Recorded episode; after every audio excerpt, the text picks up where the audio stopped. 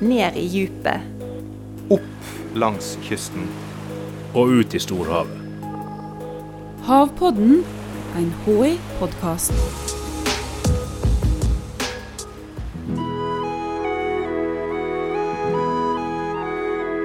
Våren, grønt gras, fugler som kvitrer og lange, lyse dager. I februar og mars er dette stort sett en fjern drøm for oss på land. Men i havet har våren tjuvstarta.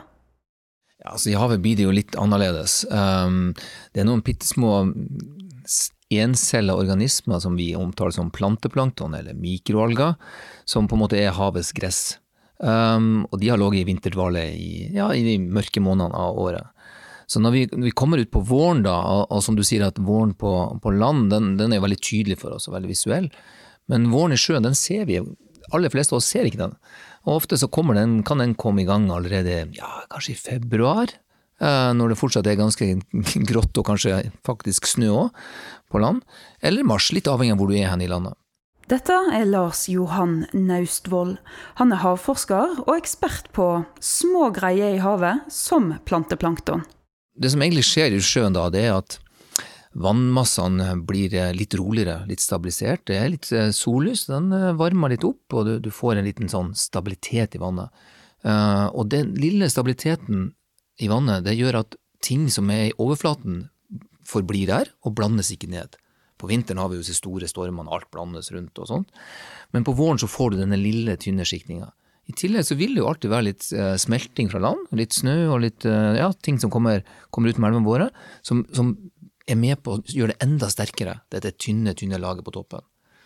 Og det som skjer da, det er at mikroalgene som er i dette tynne laget der oppe på toppen, de blir ikke blanda ned, og så får de lov til å vekst, uh, ha vekst. Og så øker mengden av de hele tida. Så da sier vi at vi har en økende biomasse av, av mikroalger. Uh, fordi det er masse næringsarter der. Eh, naturlige næringsarter som liksom har bare kommet opp til overflata eh, i løpet av vinteren. Og de kan algen bruke når denne stabiliteten er. Og så plutselig fra én dag, ja, kanskje ikke bare én dag, men i løpet av en liten uke, så kan det gå fra nesten ingenting til kjempemye. Og da sier vi at vi har en våroppblomstring i sjøen. Og det er egentlig bare en helt, helt, helt i toppen av eh, overflaten vi, vi ser den oppblomstringa. Så det er litt kult. Og når du da snakker om eh, planteplankton eh, og mikroalger, så er det det samme, ikke sant? Ja, det, det, er akkurat det samme. Altså planteplankton, mikroalger, noen kaller bare alger. Så, altså, den har litt forskjellige navn, men det er akkurat det samme. Encella små organismer med kloroplast. Når planteplanktonet blømer i havet, da blir det mat for andre. Planteplankton er viktig mat for dyreplankton, som igjen er viktig mat for fisk. Og det som blir til overs etter at alle har eter, da detter ned på havbunnen og blir mat for bunndyra som lever der. Mye av denne våren i havet går oss på land hus forbi. Men aktiviteten til en del algetyper kan vi faktisk se med våre egne øyne. Altså Emiliane Høgsli er jo veldig spesiell. Altså, kan vi, jo, eh, vi kan se det med blått øye fordi den gir turkist vann på sommeren. Um, så det er ganske unikt. Uh, og det gjør at alle kan få et innblikk i, i akkurat dens liv og, og spredning. Uh, og den kan også ses på satellitter fordi den har et veldig spesielt uh, refleksjon tilbake. Um, og så er det sånn at ja, vi kan se andre alger også. det finnes annet en alge som gir en sånn rustrød farge på høsten. Det er Noctiluca scintilans, en gimoril. Den kan vi alle sammen se. Den kan vi ikke se fra satellitt, men vi ser den fra flyfoto, faktisk. Og så er det for så vidt sånn at eh, vi kan strengt tatt se planteplankton fra satellitter, men da er en annen ting. Vi ser, vi ser pigmentene deres. Så da kan man få et bilde. Det er jo disse klorofyll-satellittbildene som vi har. Men så er det sånn at vi kan av og til ha oppblomstring av noen dinoflaglater i en fjord, det blir brunt vann, for eksempel. Eh, så har vi én spesiell dinoflaglat. Den gir sånn irrgrønt vann, altså skikkelig, ordentlig sterkt grønn farge. Um, den er ganske sjelden i Norge, men det var jeg tror det er fire år siden, eller fem år siden, da var det en sånn stor oppblomstring her på Skagerrakkysten. Og det var en hel fjord, sånn ordentlig grønn. Og det var én art. Så, så, det er noen arter som har farge og pigmenter, og som da forekom i så ekstremt store mengder at, at eh, vannet får en farge. Og til og med våroppblomstringa som vi snakka om i stad, den, den, har også en viss farge, for den, den, den, har en sånn brunaktig farge på seg. Så når du går fra januar hvor det ser ganske klart og fint ut, Eh, så når en våroppblomstring kommer inn der, så, så blir vannet litt mer brunere. Du mister sikten, rett og slett. Så den ene dagen så, så du bunnen på to meter, og dagen etterpå så ser du ikke bunnen lenger. Og det kan være våroppblomstringa. Ja, men kan det rett og slett misforstås? At man tenker at oi, her har det vært en forurensning av vannet, så det er egentlig bare naturens egen syklus? Ja, helt klart. Eh, og vi hadde episoder med det i fjor, eh, hvor det ble rapportert inn, og her var det misfarging, og vi, folk ble bedt om å holde seg unna, og så videre og så. Og så, og så, og så kikka vi på en vannprøve fra det, og så er det bare bare, bare, så er det alger som er der, og som gir misfarging av vannet. Det er klart at noen alger er nok dessverre sånn at um, man ikke bør bade det, for det kan gi irritasjon på hud. Man har, man har blant annet i noen veldig spesielle tilfeller, vel å merke, cyanobakterier. Uh, gir misfaring av vannet, men så kan også gi hudirritasjon. Så. Men det er ikke en forurensning. Dette er naturlig. Våren i havet er på mange måter et eventyr. Men våren 2019 blei et mareritt. Ja, våren 2019 var jo eh, Da fikk jo denne kjempestore oppblomstringa av krysskolmina ledbeteri i Lofoten. Um, og det er klart, det, det skjer heldigvis ikke hvert eneste år. Um, arten er til stede i, i de farevannene hvert eneste år. Um, den er til stede i vannet der i perioden fra april til skal vi si juni-juli. Um, men aldri skapt noen problemer. I hvert fall ikke de senere år, da. Uh, og så i 2019, mai, uh, ganske nøyaktig ganske tidlig mai, 10. mai, så smalt det igjen. Og da, Det var denne arten her som danna en oppblomstring i to eh, områder, Astafjorden og, og Ofotfjorden. Og det gikk fort, og det bygde stor bymasse, og det tok liv av veldig mye fisk i området. Ja, hvorfor tok den livet av eh, veldig mye fisk? Altså, mekanismen bak uh, hvordan uh, denne arten uh, kan skade fisk, det vet vi ikke helt nøyaktig.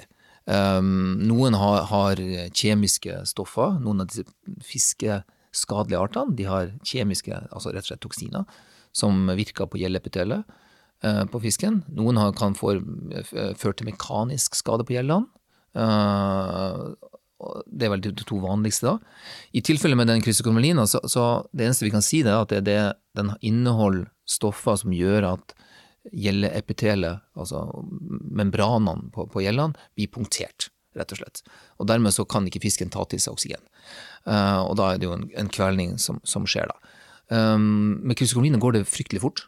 Um, vi fikk rapporter fra oppdrettere som sto og kikka på et uh, De så at et flak med noe misfarging kom inn mot anlegget sitt, og så fulgte de flaket med øynene mens det for gjennom anlegget, og så snudde de seg tilbake til anlegget, og så, så lå fisken der og kava. Så i løpet av liksom ti minutters tid så fikk eh, fisken sterke symptomer og døde kort tid etterpå der igjen. Og Hvilke faktorer var det som førte til at det ble så voldsomt da, akkurat denne 10. mai 2019 som du husker som det var i går, Lars Johanne? Nei, altså Nøyaktige faktorer. altså det, det, her er litt av problemet med skadelige alger. Altså Vi, vi, eh, vi, kan, vi vet noe om de, men vi, kjenner ikke alle hemmelighetene. Vi, vet kanskje noe om hvilke fysiske miljøer, altså temperatur og saltholdighet og vindstress og sånt, de, de tåler like. Vi vet noe om næringsstoffer. Men så er det en, en, en hel skog med spørsmålstegn knytta til biologiske interaksjoner. Altså Planteplankton er jo ikke alene, det er jo mange arter der. Og alle sammen bruker nitrogen og fosfat, og mange liker de samme fysiske forholdene som kryskomline. Men så kan det være en konkurranse mellom de enkelte artene og eh, i 2019, i mai, så vant krysskolonien av ledbeteri. Det gjorde den også i, i 1991. Så, så det, er jo, det, er jo, en kjenning i det området som, som har trøbla det til. Men vi kan ikke peke på én faktor og si at det var grunnen. Det kan vi ikke. Nei, og Du sier at eh, det var akkurat i dette området her, og her ligger det jo massevis av oppdrettsanlegg. og Det var snakk om dyrekatastrofe, oppdretterne de reiv seg i håret og tenkte at det her går ikke bra. var det tilfeldig at denne oppblomstringa skjedde i de områdene? sånne oppblomstringer kan nesten skje hvor som helst. Um, og det er klart at det ble, var jo en diskusjon hvorvidt um, oppdrettsnæringas tilstedeværelse uh, førte til oppblomstringa. Um, og det, det, er mye som tyder på at det gjorde den ikke. Men det er klart at oppdrettsnæringas tilstedeværelse kan jo være med å holde den i gang. Uh, fordi det, det, skilles jo en del ting ut fra, fra oppdrettsanlegg også. Det, det, kommer jo både næringsstoffer og, og organisk materiale som, som krysskommunene kan nyttiggjøre seg av. Så den kan være med å drive den. Men, men som jeg sa, at skadelige alger det finnes nesten langs hele kysten vår. Um, på et eller annet tidspunkt i løpet av året. Uh, og i Lofoten, det området her, så er det altså akkurat mai-juni som er en sånn risikoperiode.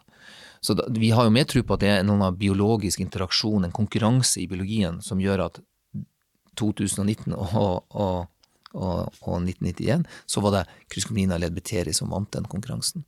Og vi kan ikke peke på og si at der har du synderen. Det, det har vi ikke nok kunnskap til. da. Men det er klart at det er mye oppdrettsanlegg der, og da, da blir konsekvensen eh, deretter òg. Og midt i denne stormen så sto altså du, og så skulle du gi råd til forvaltning og til oppdrettere, og du skulle svare opp media. Hvordan opplevde du denne situasjonen? Ja, det blir jo ganske kaotisk, faktisk. Det, det gjør det, det skal sies. Um, de, de, første dagene så er man jo desperat uh, etter informasjon. Man, man trenger å, å, samle så mye informasjon som overhodet mulig for å danne seg sjøl et bilde uh, av det. Um, her på instituttet går vi jo inn i en sånn beredskaps... uh, og modus. Uh, så det betyr at vi, vi har noen kulepunkter vi følger opp, og så vi kjører i gang da. Og, og, det å snakke med næringsaktører, det å høre hva som faktisk skjedde der ute, og sånt, det var kjempeviktig. Og så, må du begynne å samle den informasjonen, um, og ved hjelp av gode kollegaer på modellering og sånt, så kan vi prøve å predikere hva kommer til å skje de nærmeste dagene. Og så er det jo å følge opp både myndigheter uh, og, og næringer, og også journalister, så klart, med informasjon om hva vi tror. Dødsalgen herja i nord. Oppdrettslaks døde i merdene sine. En høydramatisk situasjon der ting skjedde grådig fort. Forskerne prøvde å få oversikt. Var det i det hele tatt mulig å gjøre noe? Det er jo alltid det man ønsker. Altså hvis man kan komme ut med informasjon og si at uh, den og den fjorden eller den og den bukta blir berørt i løpet av de neste fem til ti dagene, f.eks. hvis vi tør å, å predikere så langt fram i tid, så, så har, har, man mulighet for tiltak. Um, det man gjorde annet i, i, i, Lofoten, var jo at man flytta en del fisk. Altså Man hadde rett og slett båter, brønnbåter som kunne ta ut fisk før oppblomstringa kom til et område.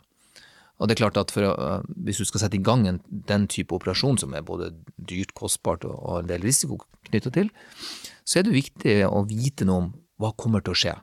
Uh, har vi nok tid til å få flytta ut den fisken, eller ikke? Og, og da prøver vi å komme med så presise råd som vi kan om, om, den type tiltak. Og så er det jo nødslakting, f.eks. Hvis du vet at mitt anlegg blir råka i løpet av de neste fem dagene, kan en nødslakt uh, for å få noe verdi tilbake igjen her. Så det er noen tiltak, ja. Ja, så Kanskje det sitter altså oppdrettere rundt hele landet og så tenkte de, kan Lars Johannes på om det her kan skje igjen? Tør du å prøve det på en slags profeti her for våren? Nei, det tør jeg ikke. og, det, og, vi får ofte det spørsmålet vil dette skje igjen. Og det, det som jeg bruker alltid si, at ja, det kommer til å skje igjen. Helt sikkert. Um, så det kan jeg svare ja på. Problemet mitt er at jeg kan ikke svare når det kommer, jeg kan ikke svare hvor det kommer, jeg kan ikke si hvilken art som kommer til å være dominerende dominerende i den oppblomstringa. Eh, vi har hatt regelmessige oppblomstringer på Skagerrak i en lengre periode på 2000-tallet, hvor en og samme art, og så plutselig blir den arten borte en to-tre år, og så kommer den kanskje litt tilbake igjen. Eh, men så er det sånn at det finnes skadelige alger i Hardangerfjorden, og det finnes det i Trondheimsfjorden, og det, det, det i Lofoten og, og nordover. Um, så det er bare akkurat når Vi klarer ikke helt å predikere hva som gjør at de blomstrer opp, uh, og ikke, ikke, de ufarlige, snille algene. Som stort sett alle er, da. Ja, og Det bringer meg egentlig videre til neste spørsmål, om man kan gjøre noe som helst da, for å hindre at det skjer igjen. Ja, det, ja vi, kan, vi, kan, gjøre noe. Vi kan, vi kan, gjøre noe slik at vi har noe mer bedre og mer robuste verktøy. Um, det som vi har landa på, det er at man må få i gang en, en bedre overvåkning uh, i nasjonal uh, setting. da. Sånn at vi kan, vi kan i hvert fall si noe om tilstedeværelsen av skadevalger. Vi kan si noe om, om det øker eller avtar i mengde langs etter kysten. Um, det er veldig viktig. Og så er det viktig å få plass et godt varslingssystem, hvor vi kan gi informasjon utad til myndighet og til, til, næring om dette her. Eh, og da er det veldig viktig at vi ser hele kysten som under ett, da. Fordi kyststrømmen, norske kyststrømmen vandrer jo langs etter kysten vår, og, og det som skjer f.eks. her i Skagerrak, det kan få betydning for det som kommer til å skje i Rogaland om en ukes tid. Um, vi har også et nordeuropeisk nettverk oss forskere mellom, hvor hvor jeg, får rapporter fra hva som skjer i Kattegat eller svenske vestkysten. Og da vet jeg at ok, det tar en uke fra Göteborg opp hit, sånn grovt. Um, litt lenger hvis det skjer nede i Kattegat. Og da er jeg i stand til å kunne si at ok, da må vi være oppmerksom på det. Da må vi kanskje få beskjed, de som har oppdrettsanlegg i produksjonsområdet 1 her i Skagerrak, om at nå kommer det noe. Og det samme gjelder jo etter hvert videre også. Um, så, så, det, det som, som, vi jobber med å få på plass, da, det er et nasjonalt dekkende uh, overvåkningsprogram for å se på tilstedeværelse av disse artene. Og også et, et uh, nasjonalt eh, rapporteringssystem hvor, og varslingssystem, slik at vi får på en måte en oversikt. Og gjennom en god oversikt, gjennom en god um, overvåkning, så tror jeg vi kan, vi kan, vi kan være i stand til å, å, å gi bedre råd utad. Havpodden er en podkast fra Havforskningsinstituttet. Denne episoden ble laga av Liv Eva Kirkesæter og meg, Stine Hommedal. Teknisk produksjon og lyddesign var det Febril Film som sto for. Og du, du hører snart igjen.